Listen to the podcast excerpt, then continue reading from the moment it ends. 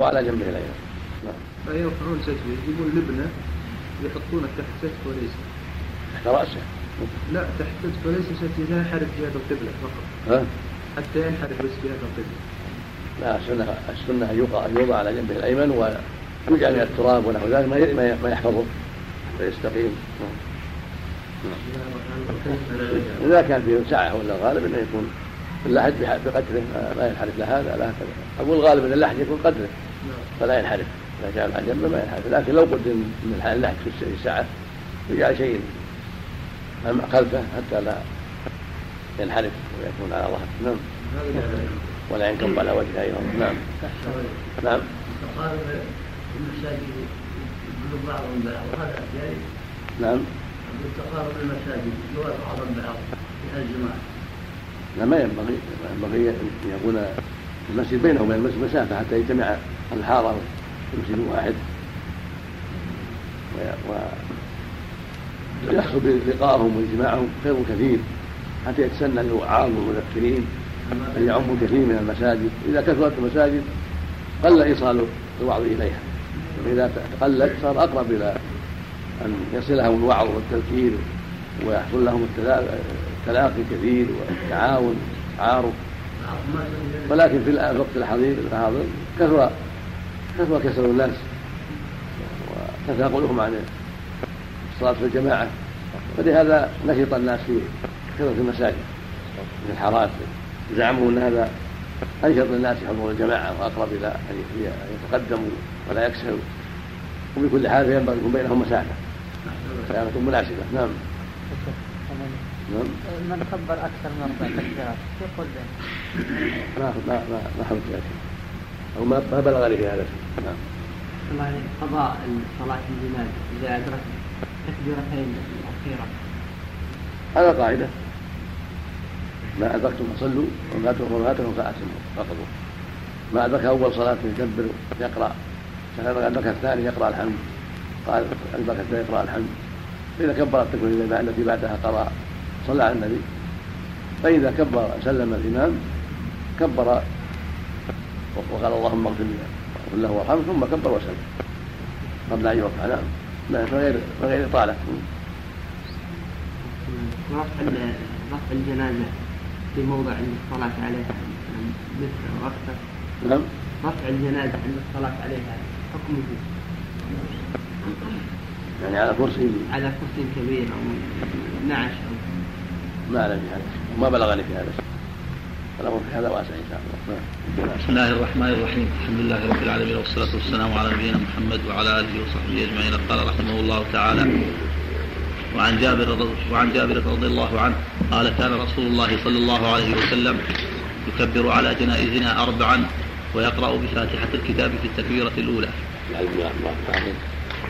نعم نعم. نعم. رواه الشافعي بإسناد ضعيف. وعن طلحة بن عبد الله بن عوف قال صليت خلف, خلف ابن عباس على جنازة فقرأ فاتحة الكتاب. قال لتعلموا أنها سنة رواه البخاري. وعن عوف بن مالك رضي الله عنه قال صلى رسول الله صلى الله عليه وسلم على جنازة فحفظت من دعائه. اللهم اغفر له وارحمه وعافه واعف عنه واكرم نزله ووسع مدخله واغسله بالماء والثلج والبرد ونقه من ونقه من الخطايا كما نقته. الثوب الأبيض من الدنس وأبدله دارا خيرا من داره وأهلا خيرا من أهله وأدخله الجنة وقه فتنة القبر وعذاب النار رواه مسلم. وعن أبي هريرة رضي الله عنه قال كان رسول الله صلى الله عليه وسلم إذا صلى على جنازة يقول اللهم اغفر لحينا وميتنا وشاهدنا وغائبنا وصغيرنا وكبيرنا وذكرنا وأنثانا. اللهم من أحيته منا فأحيه على الإسلام ومن توفيته منا فتوفه على الإيمان. اللهم لا تحرمنا أجره ولا تضلنا بعده. رواه مسلم والأربعة. وعنه أن النبي صلى الله عليه وسلم قال إذا صليتم على الميت فأخلصوا له الدعاء. رواه أبو داود وصححه ابن حبان. وعن أبي هريرة رضي الله عنه عن النبي صلى الله عليه وسلم قال أسرعوا بالجنازة. بسم الله الرحمن الرحيم قال رحمه الله تعالى أما بعد هذه الأحاديث الخمسة كلها تتعلق بالجنازة أيضا. قدم في ذلك أحاديث الأول حديث جابر. رضي الله عنه. أن النبي عليه الصلاة والسلام كان يكبر على جنائزنا أربعا ويقرأ بفاتحة بفاتحة الكتاب في التكبيرة الأولى وخرجه الشافعي بإسناد ضعيف. الحديث هذا مثل ما قال المؤلف وقال غيره إسناده ضعيف ولكن ساقه المؤلف لبيان حاله. ليعلم طالب العلم الذي يحفظ هذا الكتاب أو يقرأه شان هذا الحديث وأنه من الأحاديث الضعيفة وأنه ليس هو العمدة في الباب العمدة على غيره. الحديث رواه الشافعي رحمه الله من طريق إبراهيم بن محمد بن أبي يحيى الأسلمي معروف. كان الشافعي رحمه الله حسن الرأي فيه والأئمة ضعفوه جميعا. وهو ضعيف لا يحتج به. عن عبد الله بن محمد بن عقيل معروف الهاشمي. وهو سيء الحفظ فضعفه كثير بذلك بذلك. فالحديث ضعيف من أجل من أجل الأمرين من أجل الشخصين. ولكن له شواهد منها حديث ابن عباس وهو العمدة. حديث بعد ابن عباس بعده انه رضي الله قرأ فاتحة الكتاب ثم قال للناس وجهر بها وقال لتعلموا أنها سنة لأنها انها الطريقة المتبعه ليس مراد السنة الاصطلاحية التي هي خلاف الفرض. لا هذا اصطلاح جديد. المقصود أنه أراد أن هذه سنة النبي صلى الله عليه وسلم وطريقته. كان يقرأ بفاتحه الكتاب. في رواية ابن طلحة بن عبد الله أخذ بيده فسأله عن ذلك فقال لتعلموا أنها حق وسنة. فدل ذلك على فرضيتها وأنه لا بد من قراءتها في صلاة الجنازة. وأولى أعمالها الأولى ولهذا قرأ بها ابن عباس الأولى. ولأن الدعاء يحتاج إلى ثناء وصلاة على النبي صلى الله عليه وسلم فناسب أن تكون في الأولى ثم يكون بعدها صلاة على النبي صلى الله عليه وسلم. كما في التحيات. ثناء على الله ثم صلاة على النبي صلى الله عليه وسلم ثم الدعاء. وصلاة الجنازة المقصود منها الدعاء والمقصود فيها الدعاء. فشرع الله قبلها قبل الدعاء الثناء على الله بالحمد والصلاه على النبي في الثانية ثم يكون الدعاء بعد ذلك. ويدل على فرضيتها أيضا عموم قول صلى الله عليه وسلم لا صلاة لمن لم يقرأ بفاتحه الكتاب. بل أجمعوا على أنها صلاة مبدوءة بالتكبير مختومة بالتسليم فهي صلاة. فتدخل في عموم لا صلاة لمن لم يقرأ فاتحة الكتاب. فيدل ذلك على أنه لا بد من قراءة الفاتحة كما ذكره ابن عباس رضي الله عنهما. وجاء في حديث عباس زيادة وسورة كما روى النسائي. فدل ذلك وغيره. كما فدل ذلك على أنه يشرع أن يقرأ معها سورة كما في الأولى والثانية من الصلوات الخمس. وقد استشكل بأن هذه الصلاة مبنية على التخفيف والتيسير والعجلة حتى ينقل الميت إلى مدفنة. والجواب عن هذا لا إشكال لأن قراءة سورة قصيرة أو آية أو آيتين لا لا يؤجل ولا ولا, ولا ينافع التعجيل والزيادة ثابتة من طرق فشرع أن يؤتى بها بعد الفاتحة. إما بسورة قصيرة أو ببعض الآيات جمعا بين النصوص وبين مقصود هذه الصلاة من تعجيل الميت إلى مدفنه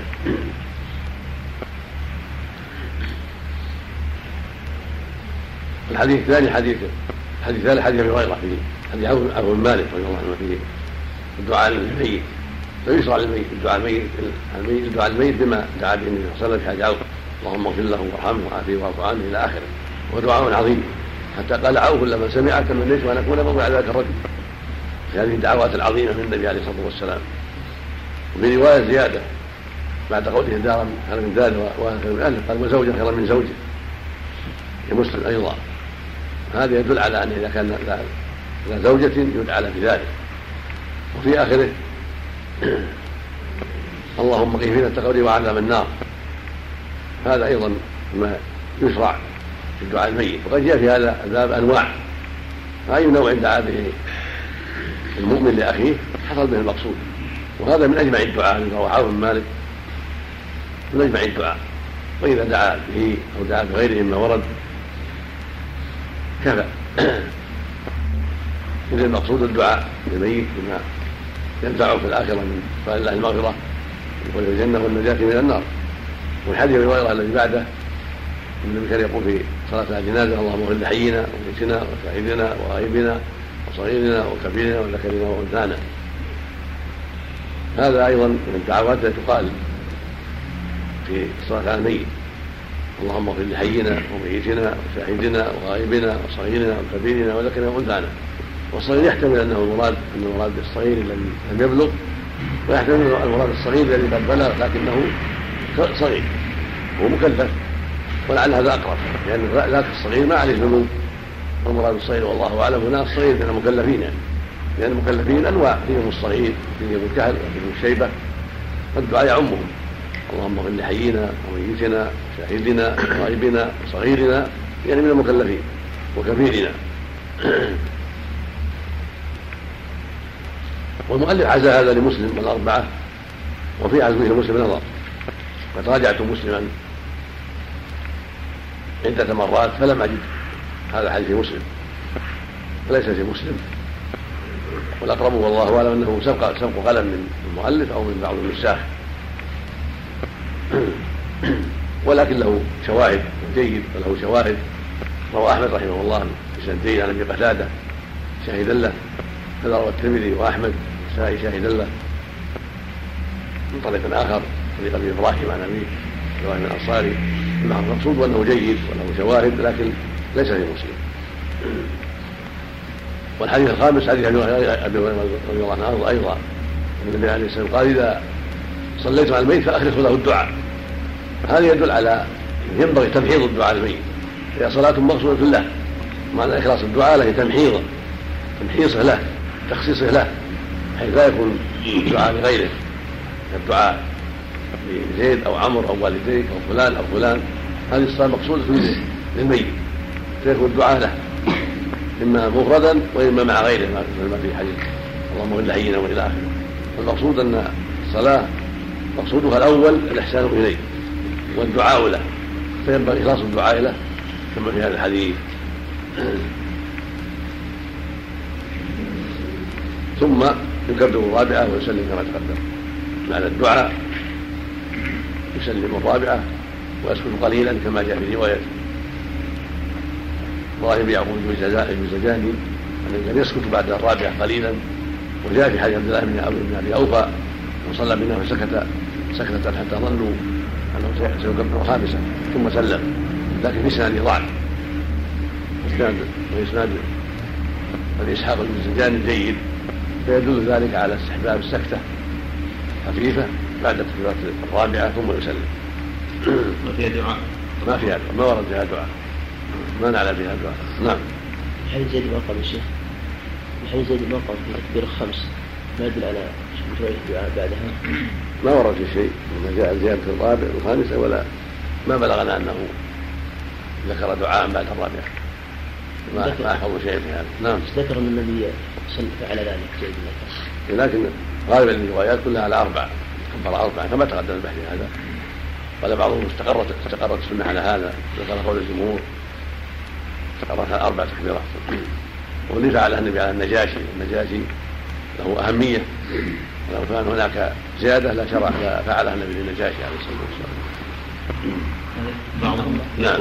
بعضهم يقول في الرابعة بعض الفقهاء اللهم لا تحرمنا أجره ولا تفتنا بعده واغفر لنا وله دعاء جاءت في آخر الحديث هذا في آخر الدعاء الثالث. ومثل ما عندكم الآن في آخر الدعاء الثالث. نعم. بعضهم جعل بعد التكبيرة الرابعة أنا ما أعلم شيء في هذا صحيح. بعد الرابعة لا أعلم شيء ومن عليه حجة على من لم يحرم على من لم يحرم إذا وجدتم شيء. وما وجدتم شيئا يطلعنا عليه الشهر وما وجد شيء في الأحاديث يطلعنا عليه. أنا ما أعلم الآن إلى يوم هذا ما أعلم شيء صحيح. يقال بعد بعد الرابعة نعم. زوجة من زوج خاص بالذكر. نعم. خاص بالذكر. هذا جاء في ذكر أو جاء في صلاة جنازه على ذكر. يحتمل أن يخص ويحتمل لا يخص. يعني المرأة زوجين خير من المرأة وقد تحتاج إلى ذلك أيضا. زوجا خيرا من زوجها. وأما يروى أنها تخير في أزواجها هذا في سند مقال ضعف ثم لو قدر أنها تخير ما ينافي أنها لها بهذا.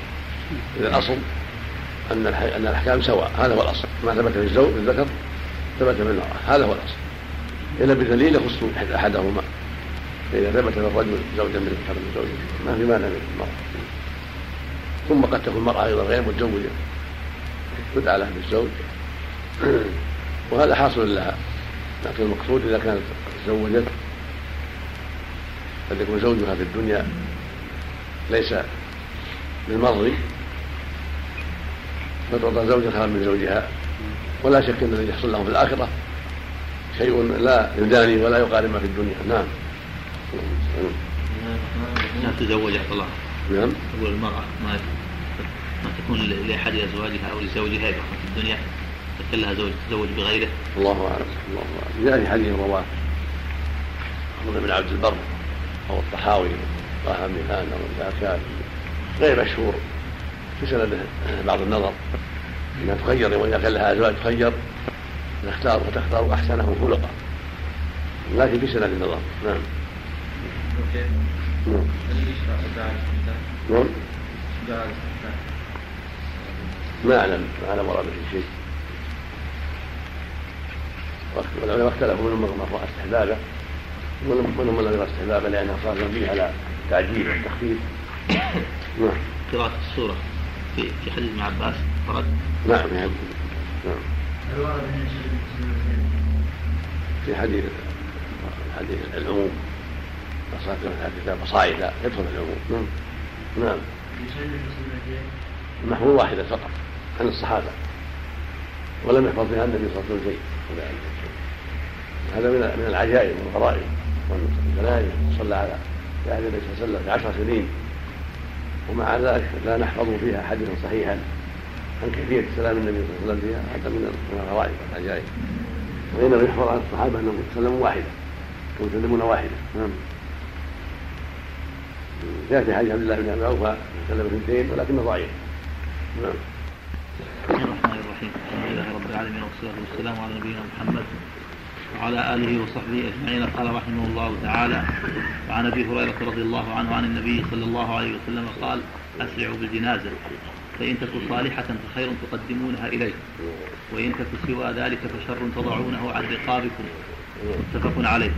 وعنه قال قال رسول الله صلى الله عليه وسلم من شهد الجنازة حتى يصلى عليها فله قراط ومن شهدها حتى تدفن فله قراطان قيل وما القراطان قال مثل الجبلين العظيمين متفق عليه. ولمسلم حتى توضع في اللحم. وللبخاري من تبع جنازة مسلم إيمانا واحتسابا وكان معه حتى يصلى عليها ويفرغ من دفنها فإنه يرجع بقيراطين كل قيراط مثل أحد. وعن سالم عن أبيه رضي الله عنه أنه رأى النبي صلى الله عليه وسلم وأبا بكر وعمر يمشون أمام الجنازة رواه الخمسة وصححه ابن حبان وعله النسائي وطائفة بالإرسال. وعن أم عطية قالت نهينا عن اتباع الجنائز ولم يعزم علينا متفق عليه. وعن أبي سعيد رضي الله عنه أن رسول الله صلى الله عليه وسلم قال إذا رأيتم الجنازة فقوموا ومن تبعها فلا يجلس حتى توضع. متفق عليه. وعن أبي إسحاق أن عبد الله بن يزيد رضي الله عنه أدخل الميت. بسم الله الرحمن الرحيم. حديث أيضا يتعلق بالجنائز سبق طائفة من ذلك.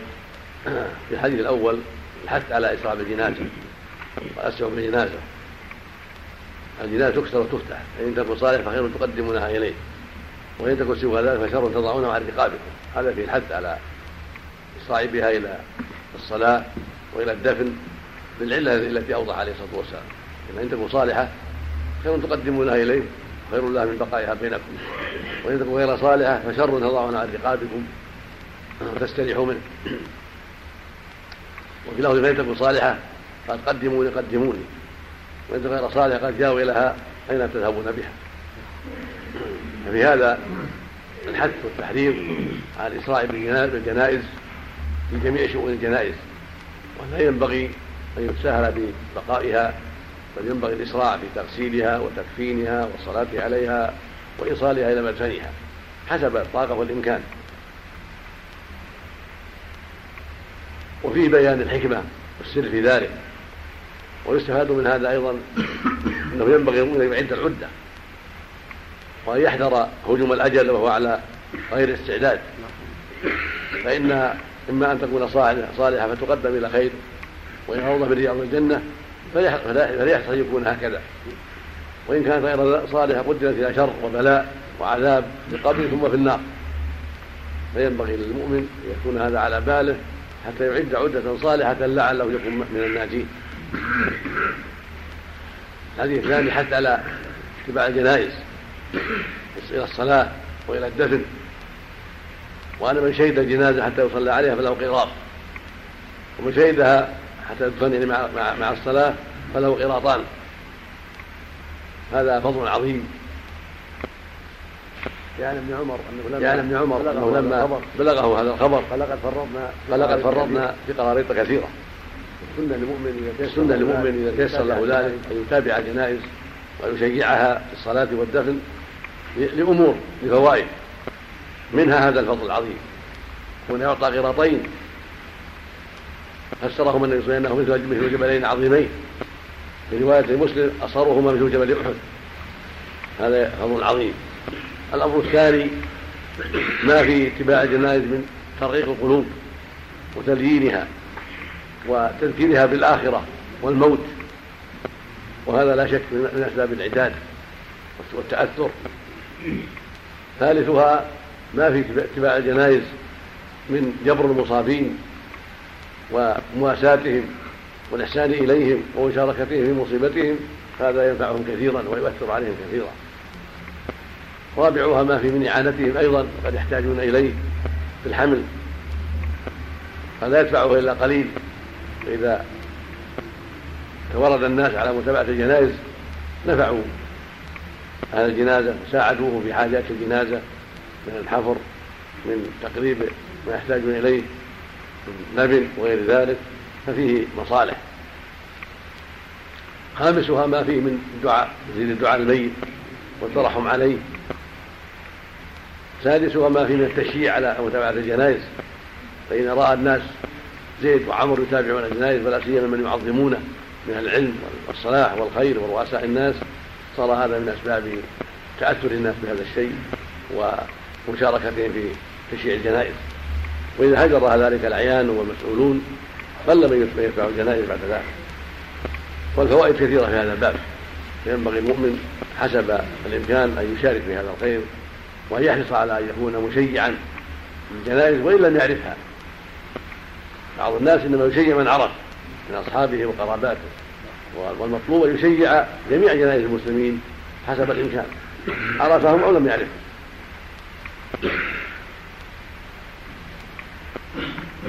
في رواية البخاري من تبع جنازة مسلم إيمانا واحتسابا وكان معها حتى يصلى عليها ويفرى من دفنها فيرجع بقراطين قراط في جبل أحد. وهذا يبين لنا أن أنه ينبغي البقاء مع الجنازة حتى يفرى من دفنها. بعض الناس إذا وصل هناك ووضعوها وضعوا الجنازة في القبر رجع. هذا خلاف السنة يبقى معها حتى يفرغ من دفنها. على والسنة تبقى مع الجنازة ومع أهلها حتى ينتهوا من دفنها. والمستحب أيضا بعد ذلك أن تقف عليها. تدعو لها بالمغفرة والثبات. كما كان النبي يقف على الجنازة بعد الدفن ويدعو لها. ولها تضاعف اللحد. هذا في هذه رواية ورواية أخرى ويخرى من دفنها. ويؤخذ بالأكمل فالأكمل. من الروايات.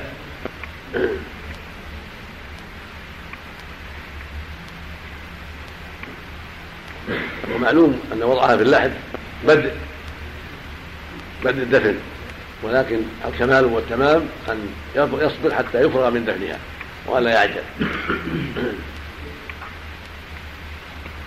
والحديث رابع حديث سالم عن أبيه. اتباع الجنائز ورأى النبي صلى الله عليه وسلم وأبا بكر وعمر وهم يكون أمام الجنازة. الجنازة. هذا الحديث رواه خمسة من طريق سفيان بن عيينة عن الزهري عن سالم عن أبيه. وقد أعله النسائي وجماعة بالإرسال وكان ابن عيينة ينكر ذلك. ويثبت أنه متصل.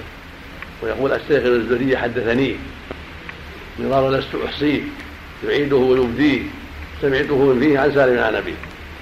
فيكرر في هذا ويؤكد أنه أنه مرسل متصل وليس بمرسل. وجاء في هذا الباب أحاديث أخرى تدل على أن الراكب يكون خلف الجنازة والماشي أمامها ومن سواهما هكذا وهكذا عن يمين وعن شمال. ولكن مجموع الأحاديث يستفاد منها أن الأفضل للماشي يكون أمام والراكب يكون خلف وما سوى ذلك إذا مشوا يمين وشمال فلا بأس وإن تقدموا فهو أفضل.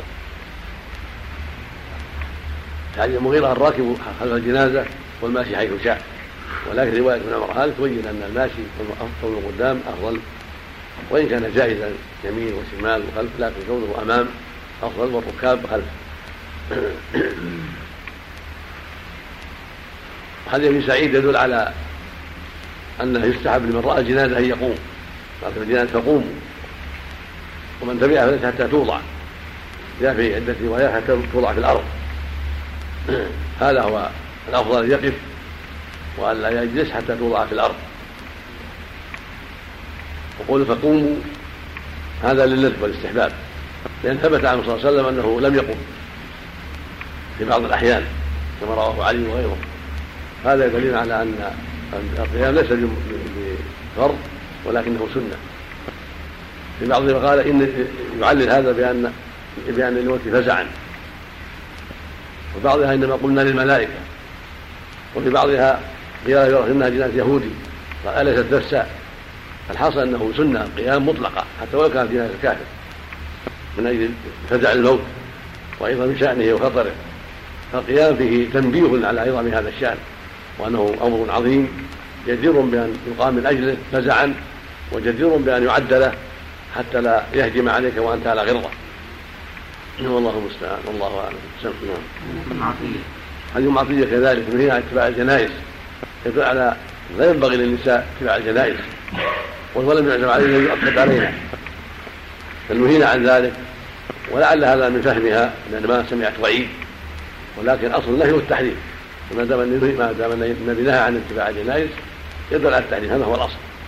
قوله لم يعزم علينا شيء فهمته إما لكونه لم يرد وعيد أو لم يشدد عليه في آه، نوع آخر فلهذا قال لم يعزم عليه والحاصل أن اتباع جنائز النساء في المقابر منهي عنه لأنهن فتنة فلا يجوز اتباعهن الجنائز أما الصلاة فلا بأس صلينا على الجنائز في الناس في المسجد صلت صلى النساء مع النبي صلى الله عليه وسلم على الجنائز. صلت عائشة على يدي بيضاء في المسجد فالصلاه على جنائز من الرجال والنساء أمر مطلوب ومشروع إنما هذا في اتباع اتباع الجنائز إلى المقبرة إلى المدفن. فلا ينبغي أن يتبعنا الجنازة بل يجب أن يمنعنا من ذلك. وقد جاء في هذا المعنى احاديث أخرى في سندها مقال رجعنا مهزورات غير ماجورات ولفاطمه لا اما انك لو تبعت فيها فكان عليك كذا وكذا. فالمقصود أن هذه الأحاديث الأخرى التي فيها بعض الضعف تؤيد وتؤكد ما دل على الحديث المعطية وأنه لا ينبغي للنساء أن يتبعن الجنائز إلى إلى المدفن بل بل يكفي في هذا الرجال. ولا يخفى ما في هذا من الحكمة العظيمة والفائدة الكبرى لأنهن قليله الصبر ومع ذلك يفتن الحي ويؤذن الميت. يفتن الحي بما قد يقع منهن من الزينة والتبرد ويفتن ويؤذن الحي الميت بالنياحة عليه وهذا شيء يؤذيه وصبرهن قليل والرجال أصبر فكان في منعهن من الخروج مصالح. والله أعلم. نعم. نعم. لو مثلا كانت هذه الجنازة في بيت فصلى بين احد في البيت قبل ما في ما في إذا صلى عليها في البيت أو كما صلينا في المساجد مع الناس الامر في هذا واسع بعض. يأتي مع الجنازة ولا تدخل تصلي الفرض ولكن إذا دخل الإمام صلاة الجنازة دخلت المسجد هذا لأجل جهل علمنا أو هذا من أجل جهل علمنا يصلي مع الإمام الفرض وإذا صلى في البيت أحسن وأحسن لأنه يتهن خير لهن إذا تيسر لهن لكن ما كل حاجة تيسر في البيت. نعم. نعم. قيام لعن لعن الله زوارات زائرات رواية زوارات أو زائرات وكيف حمل بعضهم على هذا وجاء هذا جاء هذا وجاء هذا ولا ما ما أعتني بالروايات لكنه الحديث عن ابي هريره حسن بن ثابت وحديث ابن عباس وكلاهما كلها يشد بعضها بعضا كلها مجموعة جيد في النهي عن زيارة قبور النساء.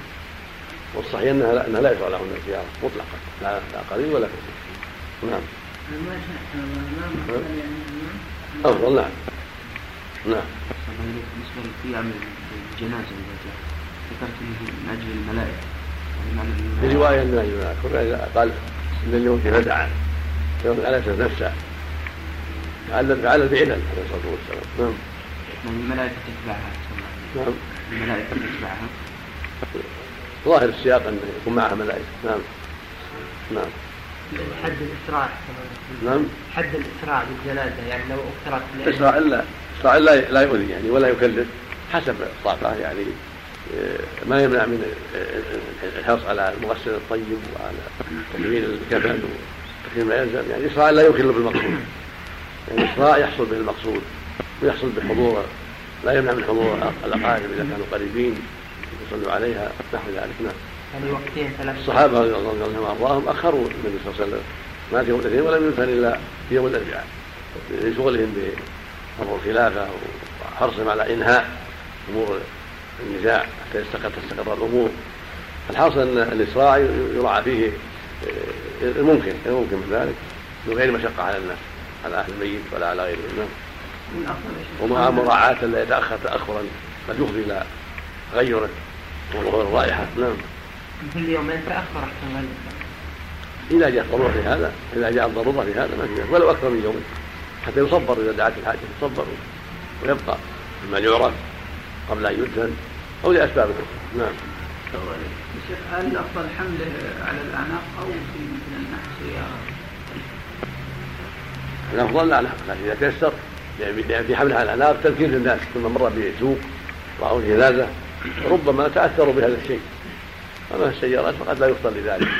لكن ضعفت الهمم. ضعفت الهمم الآن تباعدت مواضع القبور. وضعفت الهمم أيضا. والناس في الأغلب تحب الراحة. نعم. فلهذا صاروا يحملونها في السيارات. نعم. نعم. نعم. نعم. جاء في حديث نعم. نعم. بسم الله الرحمن الرحيم. الحمد لله رب العالمين والصلاة والسلام على نبينا محمد وعلى آله وصحبه أجمعين. قال رحمه الله تعالى وعن أبي إسحاق أن عبد الله بن يزيد رضي الله عنه أدخل الميت من قبل رجلي القبر. وقال هذا من السنة أخرجه أبو داود. وعن ابن عمر رضي الله عنهما عن النبي صلى الله عليه وسلم قال إذا وضعتم موتاكم في القبور فقولوا بسم الله على ملة وعلى ملة رسول الله صلى الله عليه وسلم أخرجه أحمد وأبو داود والنسائي وصححه ابن حبان وأعله, وأعله الدار قطني بالوقف. وعن عائشة رضي الله عنها أن رسول الله صلى الله عليه وسلم قال كسر عظم الميت ككسره حيا رواه أبو داود بإسناد على شرط مسلم. وزاد ابن وزاد ابن ماجه من حديث أم سلمة في الإثم وعن سعد بن أبي وقاص رضي الله عنه قال الحدوا لي لحدا وانصبوا علي اللبن نصبا كما صنع برسول الله صلى الله عليه وسلم رواه مسلم. وللبيهقي عن جابر نحوه وزاد ورفع قبره عن الأرض قدر شبر. وصححه ابن حبان ولمسلم عنه نهى رسول الله صلى الله عليه وسلم أن يجسس القبر وأن يقعد عليه وأن يبنى عليه. وعن عامر بن ربيعة رضي الله عنه يتعلق بالجنائز والدفن قدم الباب فيما يتعلق بالجنائز الاحاديث وهذا منها حديث ابي اسحاق السبيعي ان عبد الله بن يزيد يعني خطمي وهو صحابي جليل معروف من سائر الصحابه رضي الله عنهم جميعا ادخل الميت من قبل القبر من جهه اسفل القبر وقال هذا من السنة سله سلا من جهة أسفل القبر. وهذا أيسر في إدخال الميت القبر من جهة رجلي القبر أيسر لمدخليه. وأنسب لأنه يسلونه سلا حتى يصل إلى رأسه ويوضع على جنبه الأيمن مستقبل القبلة. وهذا أحسن ما ورد في ذلك. وروي عن في ذلك نوعان آخران. احداهما سله من جهة القبلة. يسل عرضا حتى يوضع في لحده. النوع الثاني أن يسل من جهه رأس القبر رأس الميت.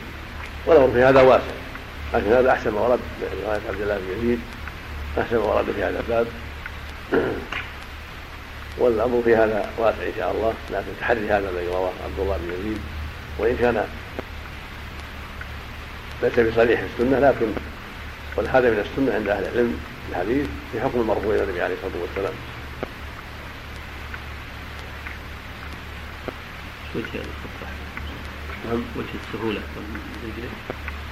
لأن إذا سل هكذا سل هكذا يكون أسهل على المنكرين بخلاف إذا سل من الرأس من يحتاج إلى أن يغيروه سل من جهة رأسه يصعب عليه إذا سل من جهة رأسه. جهة رأسه هكذا يم رجليه. يحتاج إلى يرده رأسه. فإذا كان سلم من جهة الرجلين بدأ بالرأس مسلولا ذهب به هكذا حتى يوضع به القبر سل هكذا اسهل من سله من هنا راس راس هكذا هم يعودون يغيرونه نعم ظاهر اما سله اما سله معترضا هو لا باس به سله من جهه القبله معترضا ينزلها معترضا راسه من جهه راسه ومن جهه رجليه هو ياتي هذا أيضا سنه رواه الترمذي ولا اعرف حال السند اما حديث عبد الله بن يزيد هذا جيد نعم لا لا هو وكان بدعه لا أصل له. يوجد من بعض الناس أنه يقيم في القبر ويؤذن ولا بدعة لا أصل له. هكذا قراءة القرآن في القبر بدعة لا أصل له. تقييم بعد الدفن ياتي البحث والحديث الثاني حديث ابن عمر رضي الله تعالى عنهما. عن النبي صلى الله عليه وسلم أنه قال اذا وضعتم بوتاكم فقولوا بسم الله وعلى ملة رسول الله واذا وتوا على سنة رسول الله صلى الله عليه وسلم. هذا الحديث لا بأس به. واختلف في رفعه ووقفه. ورجح الدار قطب والنسائي وقفة وصح ابن حبان وجماعه رفعه والصواب قول من قال بالرفع لأن مثل هذا لا يقال بالرأي. ثم أيضا رواية من وقف لا تقدح في رواية من رفع قاعدة أن من رفع يقدم على من وقف إذا كان ثقة. هذه القاعدة قدم لكم به مصطلح ذلك.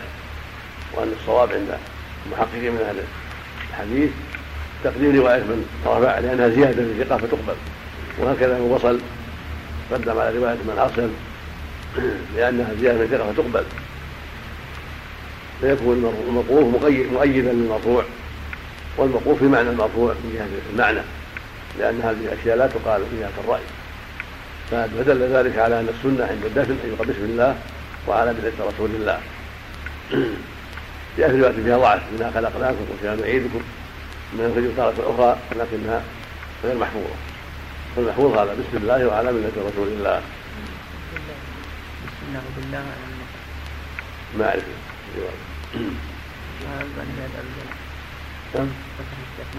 ما اعرف أقول ما أعرف صحته نعرف بسم الله وعلى ملة رسول الله. نعم.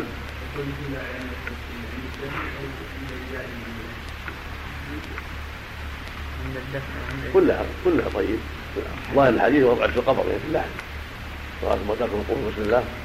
وإذا كان عند الدفن فهو هو وقت وضع الآن وضعوه وهم الآن يدفنونه حتى يفرغوا من الوضع الكامل يعني. وظاهر السياق عند وضعه في اللحم. ذراعكم ميتا موتاكم. لكنه يعم فإن وقت الدفن هو وقت وضع ما بينهما شيء. نعم. وقت الحكمة الله واضح عند اللحد وعند عند حث التراب عليه لأن الواضع بعض من الناس الواضع قليل من الناس الذين يضعونه في اللحد والبقية يفيقون التراب عليه.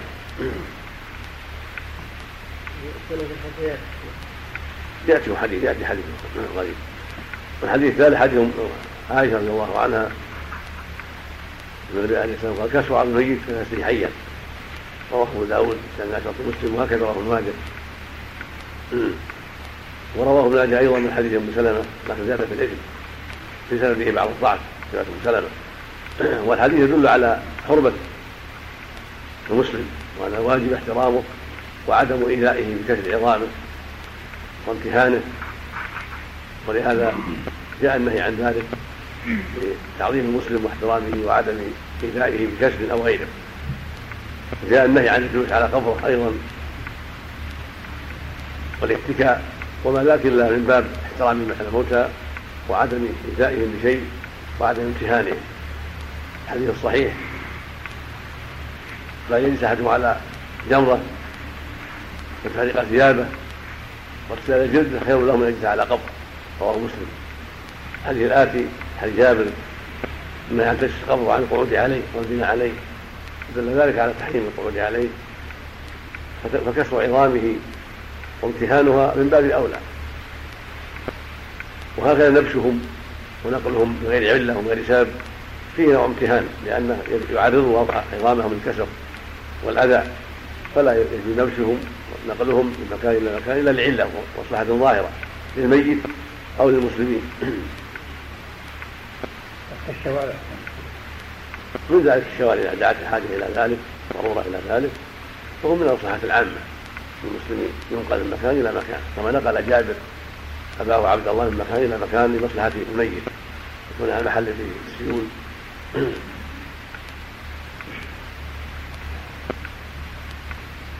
والحديث الرابع حديث سعد.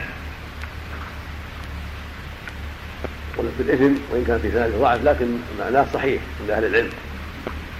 ليس كسره يوجب القصاص ولا يوجب الغرامه لكن يوجب الإثم ويستحق صاحبه التعزيز إذا فعل ذلك عن عمد وتساهل. والحديث الرابع حديث سعد بن أبي وقاص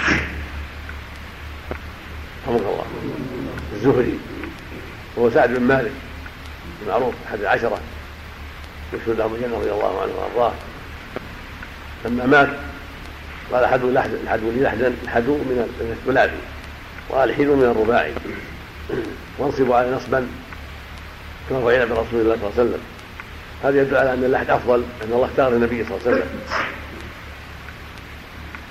رحمه الله. جاء في الحديث أنه لما توفي النبي صلى الله عليه وسلم كان المدينة شخصان أحدهما يلحد والثاني يشق. فقالوا من جاء أول يعمل عمله. فجاء أبو طلحة وليلحد فلحد له عليه الصلاة والسلام. صار هذا هو الأفضل. وجاء في حديث آخر في سنده بعض المقال اللحد لنا والشق لغيرنا. فاللحد أفضل بكل حال. إلا عند الحاجة لأن الأرض لا تماسك ولا يستطاع اللحد فيها فإنه شق في الأرض شق في القبر يوضع فيه الميت ويوضع فوقه اللبن إذا تيسر أو الألواح حسب ما يتيسر. حتى تقيه التراب أما إذا تيسر اللحد فهو أفضل في جانب القبر القبلي والنبي والنبي ينصب عليه نصبا على اللحد ويلاحظ ويسدد حتى لا يقع التراب عليه. كما فعل برسول الله عليه الصلاه والسلام هذا في السنة. وفي حديث البيهقي أنه رفع قبره عن قبر شبر يعني قبر سعد. تأسم بالنبي عليه الصلاة والسلام والقبور ترفع على شبر وما يقارب حتى يعلم أنها قبور حتى لا تمتهن. حديث القاسم عن عائشة أنها كشفت له عن قبور قبل النبي صلى الله عليه وسلم قبل صاحبيه قال فوجدت ثلاثة قبور لا مشرفه ولا ناطئه لا مشرفا كثيرا ولا مساوي الأرض بين ذلك. والمعنى أنه مرتفع قليل عن الأرض والشبر يعتبر من القليل. مفتوحة مطحاء العرصة يعني حصبائها حديث سفيان التمار في رواه البخاري قال رأيت قولا مسلمة ولا ينافيها فإن التسليم معناه يكون غير مستوي. بل يكون وسطه أرفع من حافتيه. وهذا يوافق القاسم لا مشيه ولا لاطئة يعني مرتفعة بعض الشيء. ولا ينافي كونها مسلمة. وهذا هو الأفضل حتى يزل عنه الماء. ولا يستقر عليه الماء. وفي حديث جابر النهي عن تيسير القبور والقعود عليها والبناء عليها وهذا يدل على تحريم هذه الأمور وأنها منكرة لأن الأصل في النهي التحريم ومن قال التنزيه فلا وجه له ولا دليل له على ذلك. ولعن الرسول صلى الله عليه وسلم اتخذ مساجد القبور. دل ذلك على أن الأمر للتحريم وسد ذراع الشرك فاذا بنى عليها اتخاذ القباب والمساجد عليها من وسائل الشرك بها. وسائل تعظيمها تعظيم المنكر والشرك بها والغلو فيها.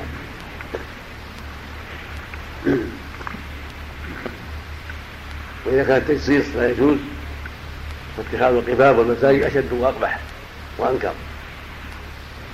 وهكذا البناء مطلقا فالواجب ترك ذلك وأن تبقى ضاحية تحت السماء ليس عليها بناء ولا مساجد ولا قباب. ولا غير ذلك. كما كانت القبور في عهد النبي صلى الله عليه وسلم في البقية هكذا.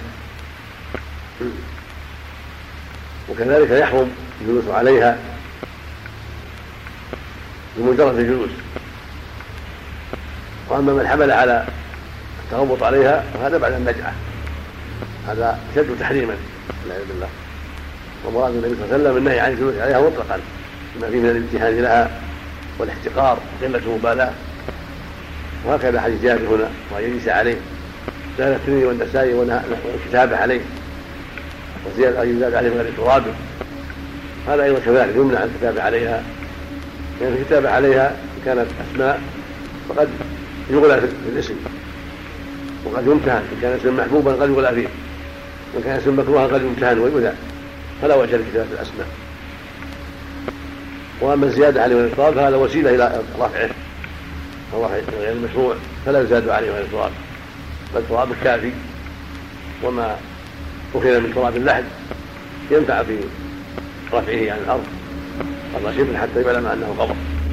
وفي حديث جابر النهي عن تجسيس القبور والقعود عليها والبناء عليها وهذا يدل على تحريم هذه الأمور وأنها منكرة لأن الأصل في النهي التحريم ومن قال التنزيه فلا وجه له ولا دليل له على ذلك. ولعن الرسول صلى الله عليه وسلم اتخذ مساجد القبور. دل ذلك على أن الأمر للتحريم وسد ذراع الشرك. فإن البناء عليها اتخاذ القباب والمساجد عليها من وسائل الشرك بها.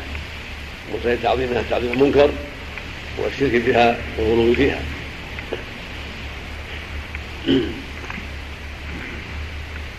وإذا كان التجصيص لا يجوز فاتخاذ القباب والمساجد أشد وأقبح وأنكر. وهكذا البناء مطلقا فالواجب ترك ذلك وأن تبقى ضاحية تحت السماء ليس عليها بناء ولا مساجد ولا قباب ولا غير ذلك. كما كانت القبور في عهد النبي صلى الله عليه وسلم في البقية هكذا. وكذلك يحرم الجلوس عليها بمجرد الجلوس. وأما من حمل على التغوط عليها فهذا بعد النجعة. هذا اشد تحريما والعياذ بالله. ومراد النبي صلى الله عليه وسلم النهي عن الجلوس عليها مطلقا. بما فيه من الامتهان لها والاحتقار قلة المبالاة. وهكذا حديث جابر هنا وان يجلس عليه. زاد الترمذي والنسائي والكتابه عليه. وزيادة أن يزاد عليه من غير تراب. هذا أيضا كذلك يمنع الكتابة عليها. لأن يعني الكتابة عليها كانت أسماء فقد يغلى في الاسم. وقد يمتهن إن كان اسم محبوبا قد يغلى فيه وإن كان اسم مكروها قد يمتهن ويؤذى. فلا وجه لكتابة الأسماء. وأما الزيادة عليه التراب فهذا وسيلة إلى رفعه. أو غير المشروع فلا يزاد عليه من التراب. بل التراب الكافي. وما أخذ من تراب اللحد ينفع في رفعه عن الأرض. قبل شبر حتى يعلم أنه قبر. والله أعلم. نعم. الله أعلم. نعم. نعم. نعم. أربع صوت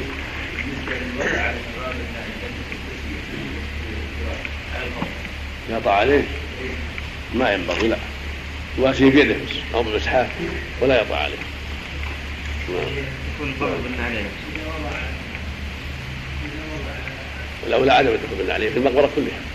إلا من حاجة من شدة حر الأرض حارة أو باردة أو شوب فالاولى لا يدخل بالنعلين لأن المقبره من محل النعام نعم. نعم. ما في شيء. مصائب ما في شيء. أو علامة أخرى عود أو حجر خاص أو عظم أو قطعة حديدة صغيرة أو شيء يعني يعلم به لا لا شيء نعم. أحسن الآن الملاحظ في القبور أنها ترتفع أكثر من ذراع. ولم لا يأخذون من تراب غير القبر لكن اسم الميت يحجز التراب ينتفش. ينتفش بعد لبسه ينتفش ويكثر ينبغي يلاحظ يعني اللي يحضره من نفسهم لا. الا يرفعوا كثيرا نعم. يعني يترك زيادة من تراب القبر الاصلي. لا, لا بأس إذا كان يزيد نعم طيب حتى لا يرتفع نعم. هذا كثرت معلومات وراد يكتب الاسم لكي يعرف قبر. لا كتاب من يعني نعم لا يكتب كتاب من يعني.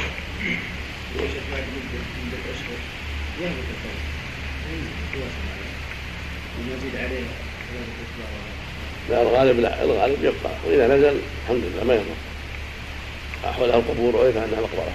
حولها القبور. لا يزعل عليه لأن الرفع وسيلة إلى شر كثير. نعم. الحديث قال يوم ينزل على سورة لا تنسى ولا قبر مشبه إلا سويته. صلى الله عليه وسلم. حنة لا ما الأصل ما الأصل في حط القبر شيء أبدا. لا حنة ولا غيره. نعم. أبدا ما الأصل لا هذا شيء طرح شقران وهو معلم. ولا ولا ثم هذا شيء. لا يقاس عليه. عن النبي صلى الله عليه وسلم. ولا يقاس عليه. نعم. لأن الرسول ما فعل مع أحد. ولا الصحابة فعلوا مع أحد. نعم قصة شقران لما ألقى قطيفة في قبر النبي صلى الله عليه وسلم. أقول لا لا يحتج بهذا وإنها ألقاها اجتهادا منه. ولم يفعل مع غير النبي صلى الله عليه وسلم. النبي صلى الله عليه وسلم لا يقاس عليه غيره في مثل هذا. لأن هذا اجتهاد من صحابي ما أراد به. إلا خيرا. نعم. والنبي صلى الله عليه وسلم دفن أمة كثيرة ولا جعل لهم فراش لا أهل حد ولا أهل بدر ولا غيرهم. سعد بن معاذ من أشرف الصحابة ومات ولا يجعل له شيء. تحته والصديق وعمر وعثمان كذلك. وعلي كلهم ما جعل تحتهم شيء. نعم.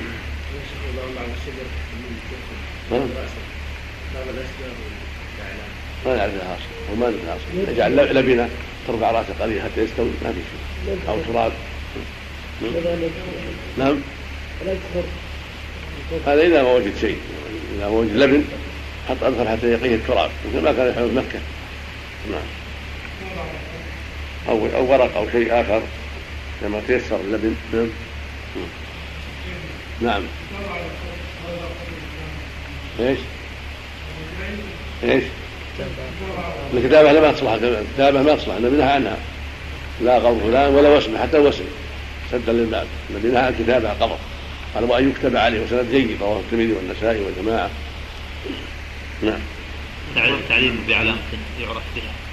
العلامة اللي من كتابة ما يقول. يروى أنه علم قبر عثمان المرعون مثل الخط يا شيخ. نعم. مثل الخط. يشبه الخط يعني مو كتاب وضع الخط من كتاب يشبه البوية. يحفرون على بعض الخط يا شيخ فروس حسن يحفرون عليه. خط كذا سهم كذا أو كذا أو على أساس انها علامه ترك على أولى لأن هذا قد يحط هذا خط والاخر يحط خطين. والاخر يحط ثلاثة. تعود وسم. نعم الذي يظهر لنا ان ترك هؤلاء. ثم على حجر ولا شيء ولا سهل قبر مبني ومجسم نعم هو قدوة جعلوه هم قدوة هم قدوة نعم ما ينبغي الخطوط سد الباب أحسن. نعم. إذا وجد قبر مجسس أحسن الله إليك موضع عليه بلاط مبنية هل يهدم؟ نعم.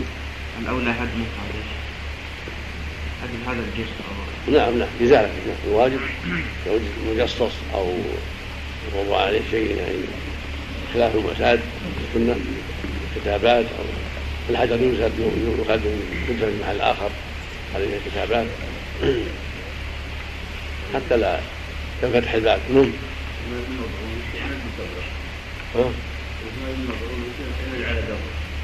علم عليه بحجر. علامة نعم. نعم.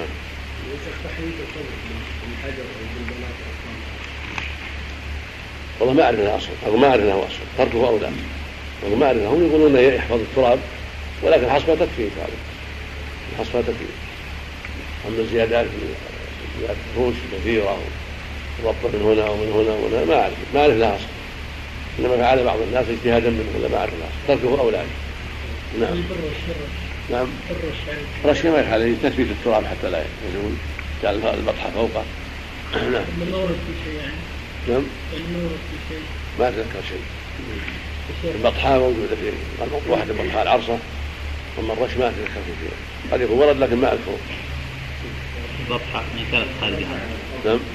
البطحه زائده عن تراب الخلق لعله لمصلحه يعني تثبيت تثبيت التراب. رش القبور المقابل. نعم. رش القبور ما أعرف له اصل وما أعرف له اصل ما ورد في بعض الأحوال أشياء نعم. ما ورد في بعض الأحوال عن بعض الصحابة نعم. ما ورد فيها بعض الآثار عند الصحابة والله ما الحسبة والماء من وجد شيء يجمع به هذا من وجد شيء منكم يجمعه ويريد اياه نعم؟ ما أذكر شيء. فيه شيخ الناس يحتجون يقول العلامات كثرت واذا دخل الإنسان مقبرة ولا قريب ما يعرف لا بد ما لزوم. سلم على القبور ويكفي. المقصود الذكرى والموعظه سلم عليه ويدعو له ويمشي ما لزوم قريبا يدعو له في البيت في السجود. نعم. الحمد لله. نعم. الرحمن الرحيم. الحمد لله رب العالمين والصلاة والسلام على نبينا محمد وعلى آله وصحبه أجمعين. قال رحمه الله تعالى وعن عامر بن ربيعة رضي الله عنه أن النبي صلى الله عليه وسلم صلى على عثمان بن مضعون وأتى القبر فحثى عليه ثلاث حثيات وهو قائم. رواه الدار قطني. وعن عثمان رضي الله عنه قال كان رسول الله صلى الله عليه وسلم إذا فرغ من دفن الميت وقف عليه وقال استغفروا لأخيكم واسألوا له التثبيت فإنه الآن يسأل. رواه أبو داود وصححه الحاكم. وعن ضمرة بن حبيب أحد التابعين قال كانوا يستحبون إذا سوي على الميت قبره وانصرف الناس عنه أن يقال عند قبره يا فلان قل لا إله إلا الله ثلاث مرات. يا فلان قل ربي الله ودين الإسلام ونبي محمد صلى الله عليه وسلم. رواه سعيد بن منصور موقوفا. وللطبراني, وللطبراني نحوه من حديث أبي أمامة مرفوعا مطولا. بسم الله الرحمن الرحيم. أما بعد هذه أيضا مما يتعلق بالجنائز. في حديث الحديث الأول حديث عامر بن ربيعة. النبي صلى الله عليه وسلم صلى على عثمان المطعون. عثمان المطعون من المهاجرين الأوائل من خيرة السابقين الأولين رضي الله عنه. فأتى قبر حاز عليه ثلاث حثيات بلفظ بيديه. احتج به العلماء على شرعية المشاركة في الدفن في الحجر. ويستحب المشاركة كما شارك النبي صلى الله عليه وسلم في الدفن في هذا الحج فيستحب أن يحثي ثلاث حثيات مع الناس وإن شارك في جميع حتى يتم الدفن فأفضل وأفضل. لكن هذا من باب من باب الفسح للآخرين. فإذا قد يكون الجمع كثيرا فإذا حدث هذا ثلاث حثيات والآخر ثلاث حثيات تمكن كثير من الناس يشارك أما إذا كان العدد قليلا فإنهم يحتاجون إلى المشاركة. وفي لفظ ذكر الشارع هنا إن رواه البزار أيضا وزاد وأمر أن يرش على قبره بالماء أن يرش قبره بالماء. هذا مما ورد في رش قبر بالماء. سبق أن بعض الاخوه سال عن هذا وقلت له لا أدري ما أعلم شيء ورد في هذا. والشارع ذكر هنا أن البزار زاد في هذه الرواية أنه أمر برش القبر. هذه الرواية وإن كان الشارع لم يتعرض لسندها فهي شاهد في الباب في رش ما يفعله الناس من أكثر الرش عند الحاجة إليه. وقد تكون الأرض غير محتاجة إليه. الأرض التي قريب منها بحر رطبة فإن غير محتاجة إلى الرش. لكن إذا كان التراب شديدا نبوسه شديد الغبار احتاج إلى هذا لإطفاء الغبار وتثبيته في الأرض. والبزار موسى البزار موجود. ولعله قريب إن شاء الله أن يطبع لأن بعض الإخوان عندهم سيحققه للماجستير أو الدكتوراه ويمكن إن شاء الله يطبع قريبا. كتاب عظيم جيد بلغني بعض الإخوان أنه موجود من عدة نسخ.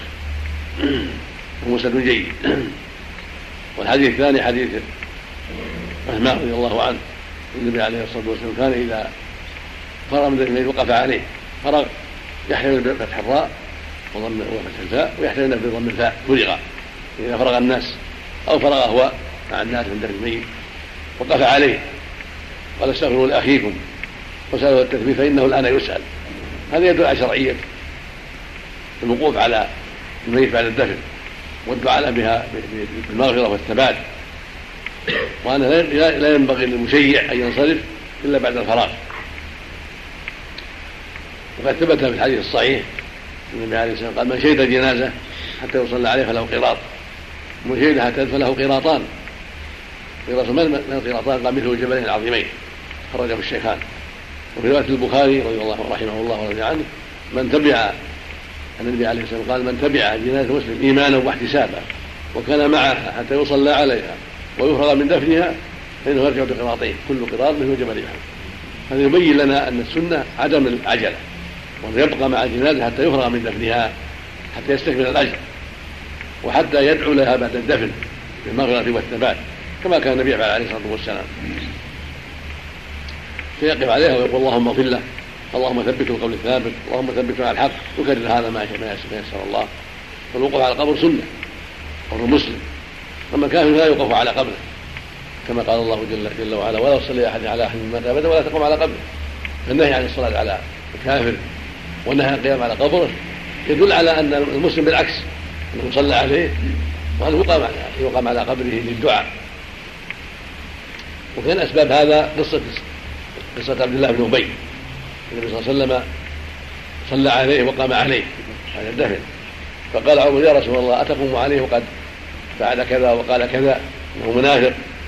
فقال النبي خيرت ولو أعلم انه أني لو زدت على السبعين غفر له لزدت. يقول هذا حرصا على نفع العباد وتطيب نفوس أقاربه ورجاء أن ينفعه الله بالاستغفار لما أظهره من الإسلام. ولكن الله بين أن الرجل لا خير فيه وأن باطنه كفر كفر البواح. ولهذا أنزل فيه ولا تصلي على أحد منهم مات ابدا ولا تقوم على قبره. إنهم كفروا بالله ورسوله. وبين الله عز وجل أن ابن أبي من جملة الكافرين الضالين الذين لا يصلى عليهم ولا يوقف على قبورهم بعد الدفن والحديث الثالث حديث أثر ضمرة بن حبيب. الشامي المعروف التابعي تابع ثقه معروف. قال كانوا يحتمل انه اراد من ادرك من الصحابة يحتمل انه اراد اصحابه من التابعين من, من, الشاميين. وهذا معنى ما قاله أحمد إنها شامية قصة وانه أنه يعلم انه أنه من فعل أهل الشام فقط. وهو الوقوف على على الميت بعد دفنه وانصراف الناس عنه. يوقف عنده عند رأسه ويقال له اذكر الله قل لا إله إلا الله ربي الله الاسلام ديني ومحمد النبي. هذا يسمى التلقين. يسمى التلقين وفعله جماعة من الشاميين. وهم المراد بقول كانوا يعني كان الضمر يعني من أدرك من تابع الشام. وأما الجمهور من أهل العلم على خلاف هذا ولم يحفظ عنهم أنهم فعلوا لا من الصحابة ولا من غيرهم. واحتجوا أيضا بحديث أبي أمامة الذي ذكره المؤلف عند الطبراني أبي أمامة بلفظ مطول قال إذا مات لأحدكم فليقول يا فلان ابن فلان فإنه ينتبه ولا يكلم يا فلان ابن فلانة يدعو الأمة. أذكر ما خرجت من الدنيا شهادة لا إله إلا الله وأن محمد رسول الله وذكر بالله ربا وبالإسلام دينا ومحمد رسولا والقرآن إماما فإنه يقول أرشدنا بعدما ينتبه أرشدنا ثم يقال هذا الكلام. وهذا الحديث اختلف الناس فيه. ذكر الشارع عن الحافظ ان قال ان اسناده صالح. وانه قواه وفيها في احكامه وذكر صاحب المنار إنه موضوع. وذكر الهيثمي في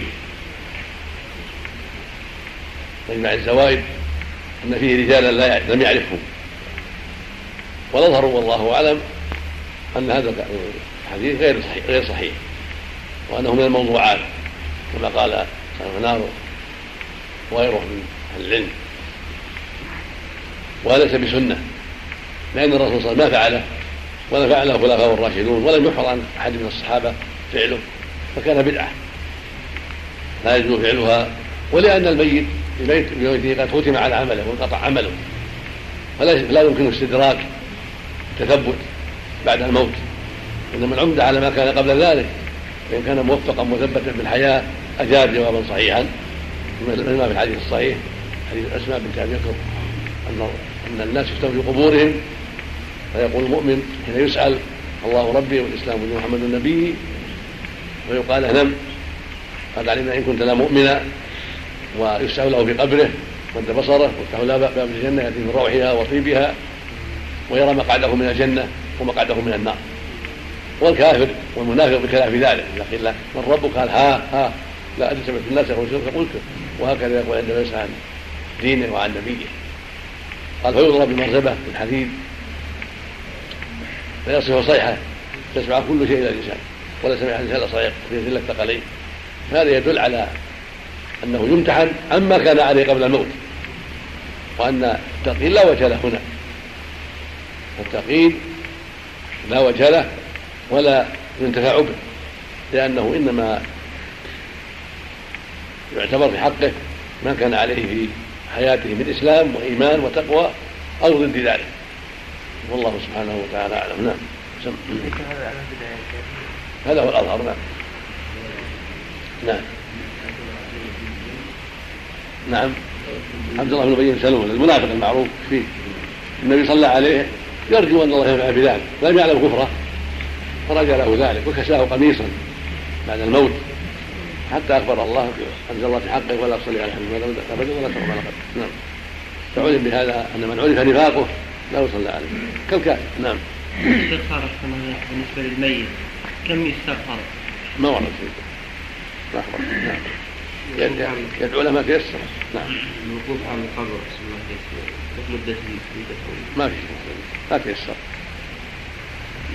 في حديث عمرو بن العاص اللي رواه مسلم لما قال لأصحابه فرغتم من دفني فقفوا عند قبري قدمتها الجزور فاستولحوها حتى أستأنس بهم وانظر ماذا اراجع بهم سنه ربي. إن هذا قاله باجتهاد رضي الله عنه يبقون عند بعض ولكن لا نعلم بهذا أصلا في الشرع إلا ما بينه النبي من الموقوف والدعاء. نعم. نقل الشيخ النووي عن الشافعي استحباب قراءة القرآن بعد الدفن بهذا لا أصل له نعم.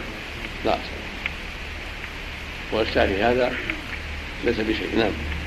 وكل واحد يخرج بقوله والترك الشافعي ومالك وأحمد وأبو حنيفة والنسائي وغيرهم. كل واحد مع جلالته وعلمه العظيم وفضله له أخطاء وأغلاط.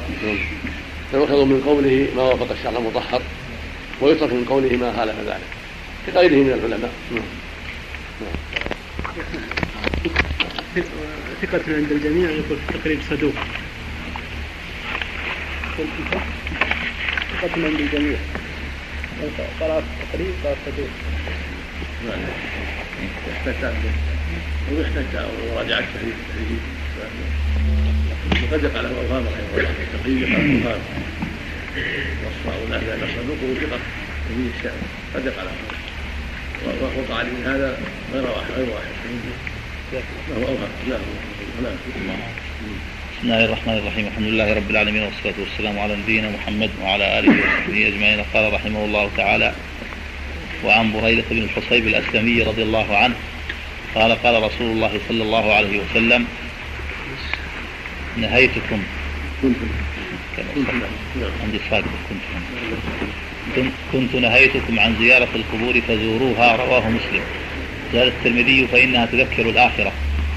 زاد ابن ماجه من حديث ابن مسعود وتزهد في الدنيا. وعن أبي هريرة رضي الله عنه أن رسول الله صلى الله عليه وسلم لعن زائرة القبور. أخرجه الترمذي وصححه ابن حبان. وعن أبي سعيد الخدري رضي الله عنه قال لعن رسول الله صلى الله عليه وسلم النائحة والمستمعة. أخرجه أبو داود. وعن أم عطية رضي الله عنها قالت أخذ علينا رسول الله صلى الله عليه وسلم ألا ننوح متفق عليه. وعن عمر رضي الله عنه. ابن عمر. عمر. وعن ابن عمر رضي الله عنه عن النبي رضي الله عنهما عن النبي صلى الله عليه وسلم قال الميت يعذب في قبره بما نيح عليه. متفق عليه. ولهما نحوه عن المغيرة بن شعبة. وعن أنس رضي الله عنه.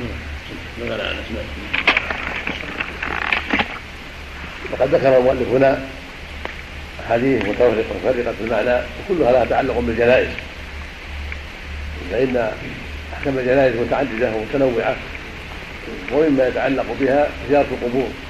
فإن هذا بعد الموت وهو الدفن. هذا من الأحكام التي تتعلق بالأموات والجنائز بعد الدفن. أن السنة زيارة القبور. لما ثبت في الحديث المذكور حديث بريدة رضي الله عنه من حصيب الأسلمي النبي عليه الصلاة والسلام قال كنت عن زيارة القبور فزوروها فإنها فإنها تذكر الآخرة وتذكر الموت وتذكر تزهد في الدنيا. الحديث جمع بين الناس والمنسوخ ذكر الناس فزوروها والمنسوخ هو النهي عن زيارة القبور. ودل ذلك على أن الشرع استقر على زيارتها وشرعية ذلك.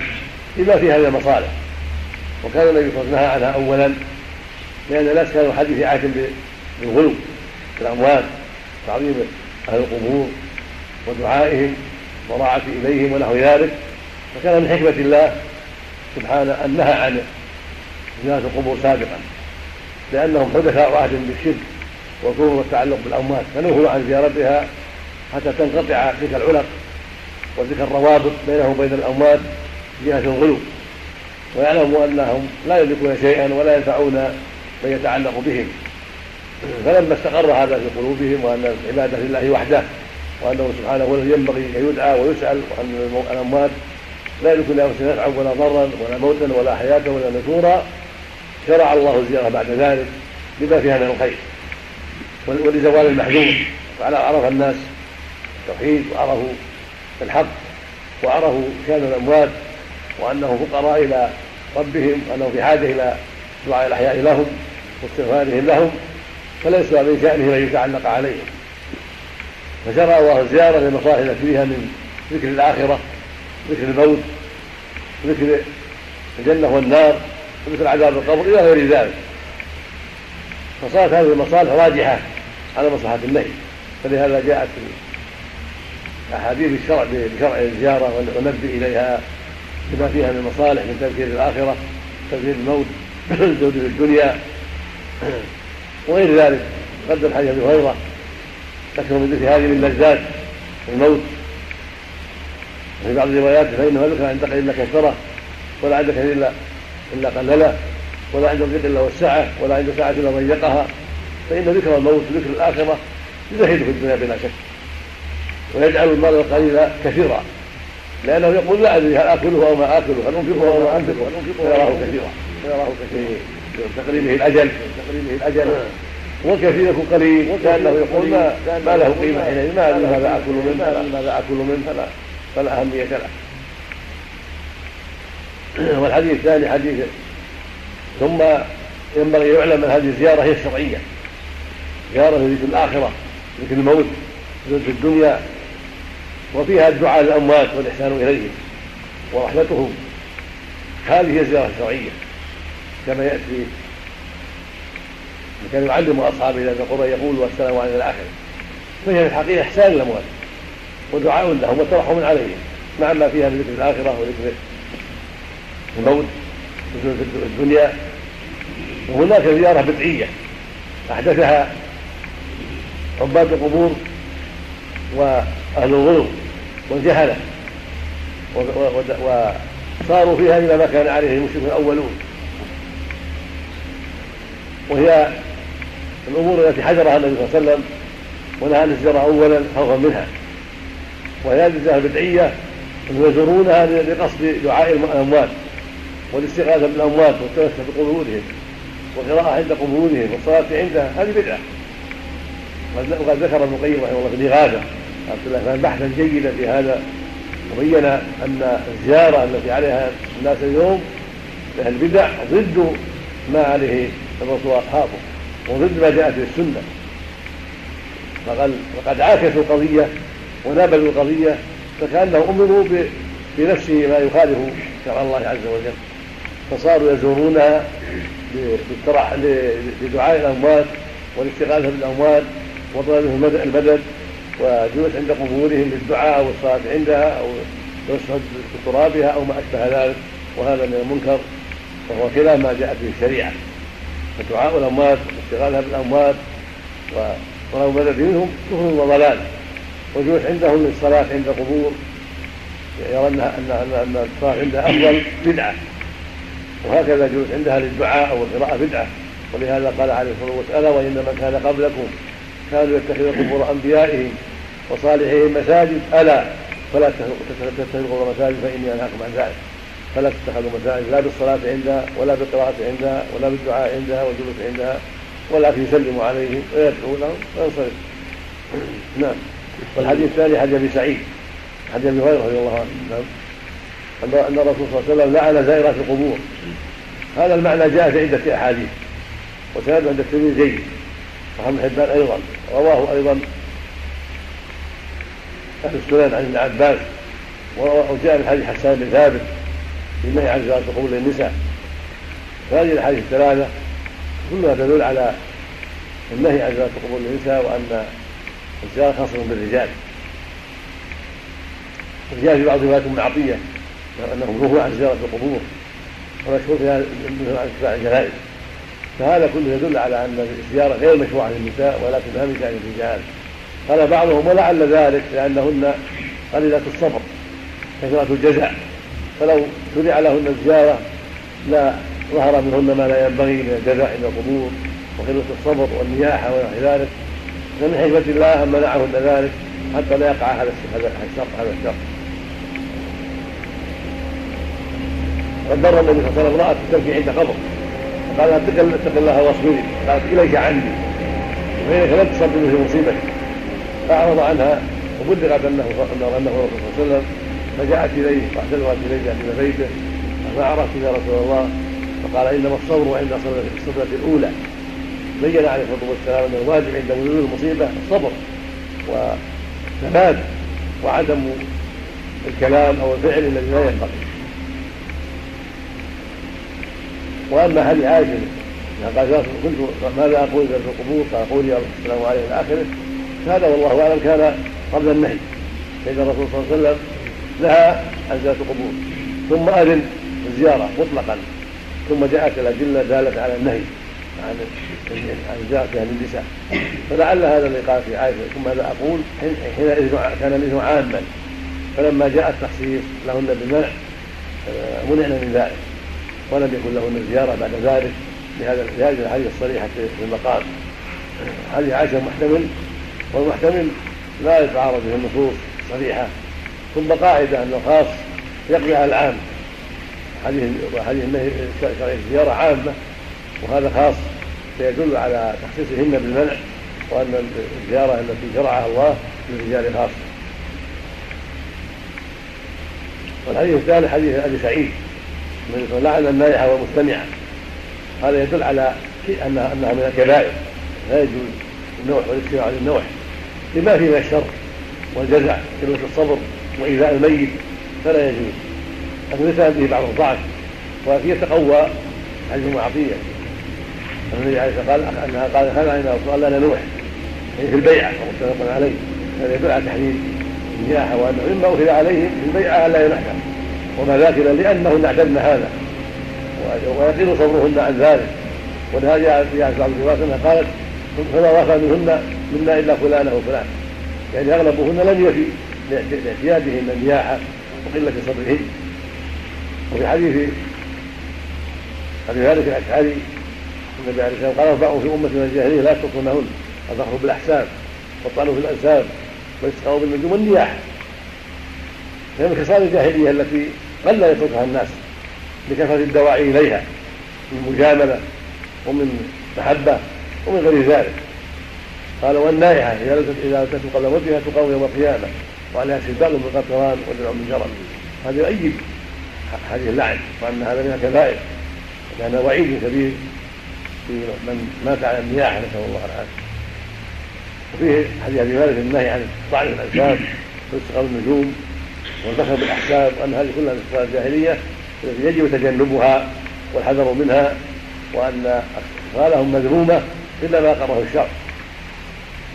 والحديث الرابع حديث ابن عمر؟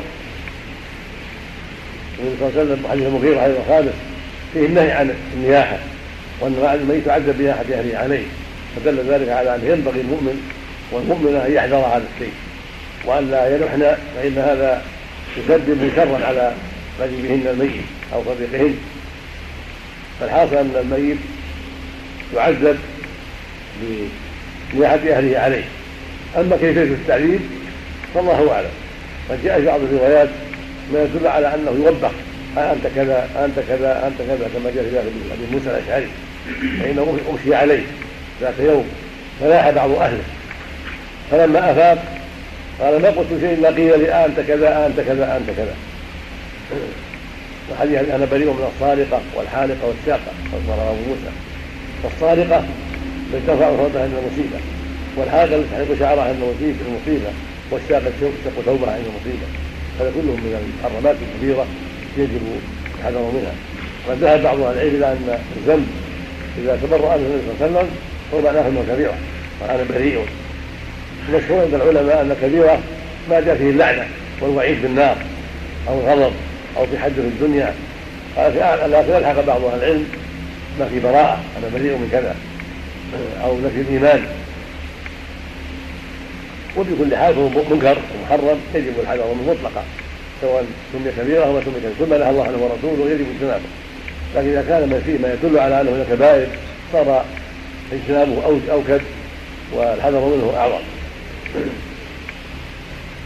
ثم فيه تنفيذ من من المياه إذا كان المقصود محبته والتعسر على فقده فكيف ترضى أن تعمل شيئا يضره وهو حبيبك هذا ما ينفر عن النياحة عليه.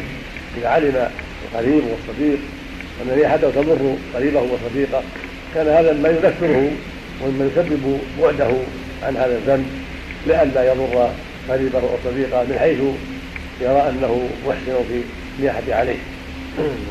والله المستعان. ما ورد ما يدل عنه نعم. عندنا يقول صالح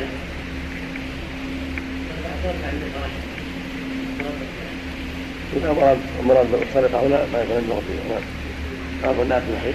أحسن الله إليك. الصلاة على الجنازة في المقبرة. ما فيها بس إذا ما صلى على القبر صلى على الجنازة. لا بأس نعم. الإنسان يعذب بذنب غيره نعم.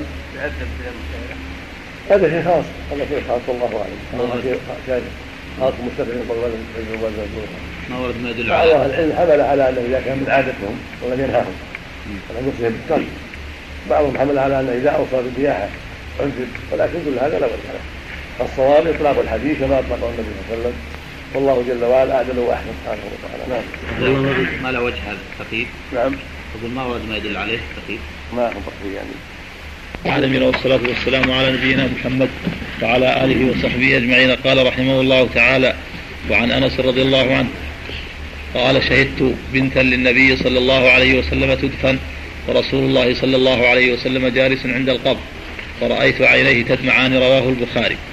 وعن جابر رضي الله عنه أن النبي صلى الله عليه وسلم قال لا تدفنوا موتاكم بالليل إلا أن تضطروا. أخرجه ابن ماجه وأصله في مسلم. لكن قال زجر أن يقبر الرجل بالليل حتى يصلى عليه. وعن عبد الله بن جعفر رضي الله عنهما قال لما جاء نعي جعفر حين قتل قال النبي صلى الله عليه وسلم اصنعوا لآل جعفر طعاما فقد أتاهم ما يشغلهم. أخرجه الخمسة إلا النسائي. وعن سليمان بن بريدة عن أبيه قال كان رسول الله صلى الله عليه وسلم يعلمهم إذا خرجوا إلى المقابر أن يقولوا السلام على أهل الديار من المؤمنين والمسلمين وإنا إن شاء الله بكم لاحقون أسأل الله لنا ولكم العافية. رواه مسلم. وعن ابن عباس رضي الله عنهما قال مر رسول الله صلى الله عليه وسلم بقبور المدينة فأقبل عليهم بوجهه فقال السلام عليكم يا أهل القبور.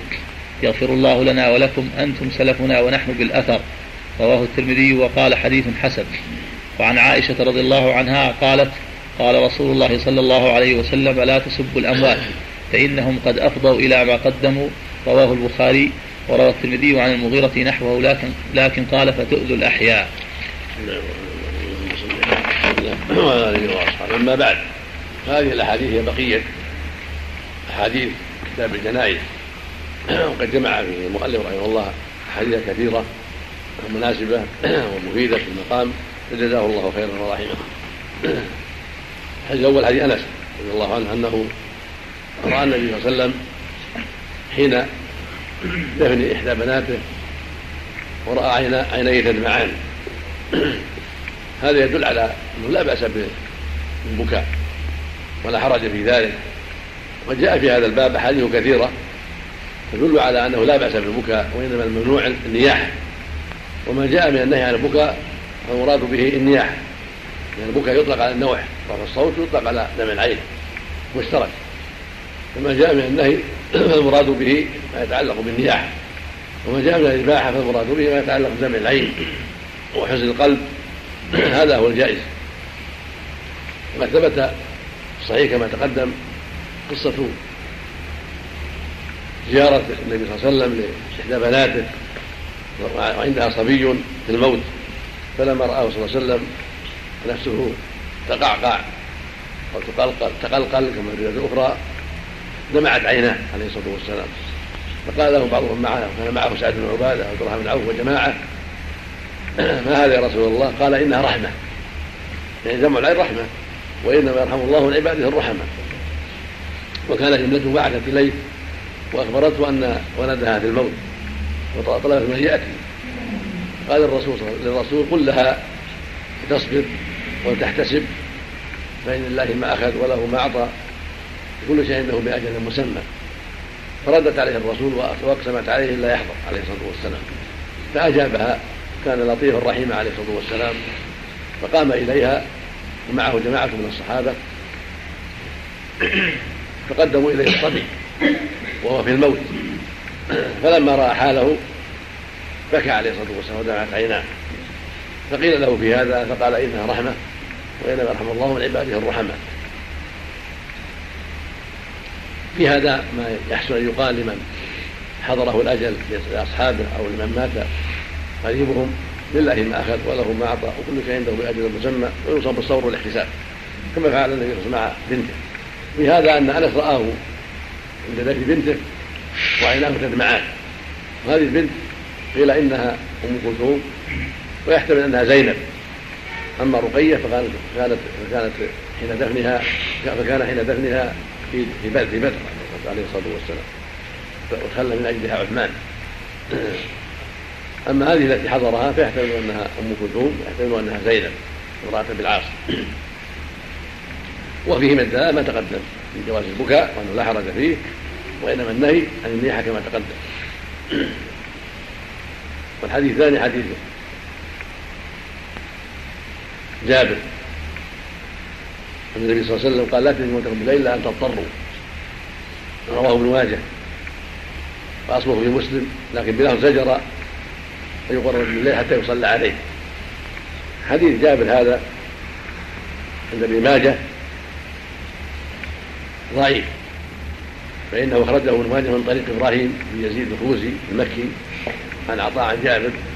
وإبراهيم هذا عندهم ليس بشيء ساقط متروك الحديث متهم بالكذب الحديث هذا ضعيف روايه ابن ماجه ضعيفه لا يعول عليها. أما رواية مسلم فقد رواها مسلم رحمه الله في أوله أنه خطب الناس عليه الصلاة والسلام وذكر رجلا من أصحابه قبض. ودفن وكفن في كفن غير طائل. كفن في كفن غير طائل. فقال عليه الصلاة والسلام فزجر فزجر فزجر عليه الصلاة والسلام أن يقبر الرجل حتى يصلى عليه. وفي لفظ حتى يصلي عليه وربطه بعضهم بكسر الله حتى يصلي عليه النبي صلى الله عليه وسلم. لأنه قال له لا يموتن أحد منكم وأنا بين أظهركم إلا آذنتموني. حتى أصلي عليه فإن صلاتي عليه رحمة أو كما قال عليه الصلاة والسلام. فعلى هذا لا مكسور حتى يصلي عليه. وهكذا ضبطه الحافظ رحمه الله المؤلف. وضبطه آخرون بفتح اللام حتى يصلى عليه حتى يصلي عليه المسلمون ولا يستعجل في دفنه في الليل. لأن قد يموت أثناء الليل فلا يصلي عليه إلا قليل من الناس. فالأولى أن يؤخر حتى يصلي عليه المسلمون الفجر لما فيه صلاة الكثرة عليه من الخير والدعاء الكثير. وسبق قوله صلى الله عليه وسلم ما من مسلم يصلي عليه أربع رجلا لا يشرك بالله شيئا إلا شفعه الله فيه رواه مسلم. وسبق أن ذكرت لكم أيضا حديث رواه مسلم في الصحيح. عن عائشة أن النبي عليه الصلاة والسلام قال ما من مسلم يموت فيقوم على جنازة أمة من الناس يبلغون مئة كلهم يشفعون فيه إلا شفعه الله إلا شفعهم الله فيه. الحاصل أن كثرة المصلين أمر نافع للميت لما فيه من الدعاء. له فإذا تيسر أنه يؤخر حتى يصلي عليه جم غفير فهذا هو الأفضل. ولهذا زجر يصلي عليه حتى يقرأ بالله حتى يصلي عليه حتى يصلي عليه. لحرص النبي صلى الله عليه وسلم على أن يناله دعاء المسلمين وشفاعتهم إلا زاد مسلم إلا أن يضطر الإنسان إلى ذلك هكذا. وكان ينبغي المؤلف أن يذكرها هنا. حذفها المؤلف وكأنه سهو فإذا ذكرها مناسب. لأن مسلم إلا أن يضطر الإنسان إلى ذلك فإذا اضطر فلا بأس يأتي ليلا وإن لم يؤخره إلى أن يصلي إذا صلى عليه واحد أو أكثر كفى.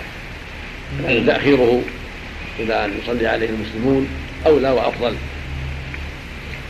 وقوله حتى يصلى عليه ظاهر بأنه إذا كان يصلى عليه فلا زجر وإنما الزجر أن يكون ليلا من دون صلاة عليه.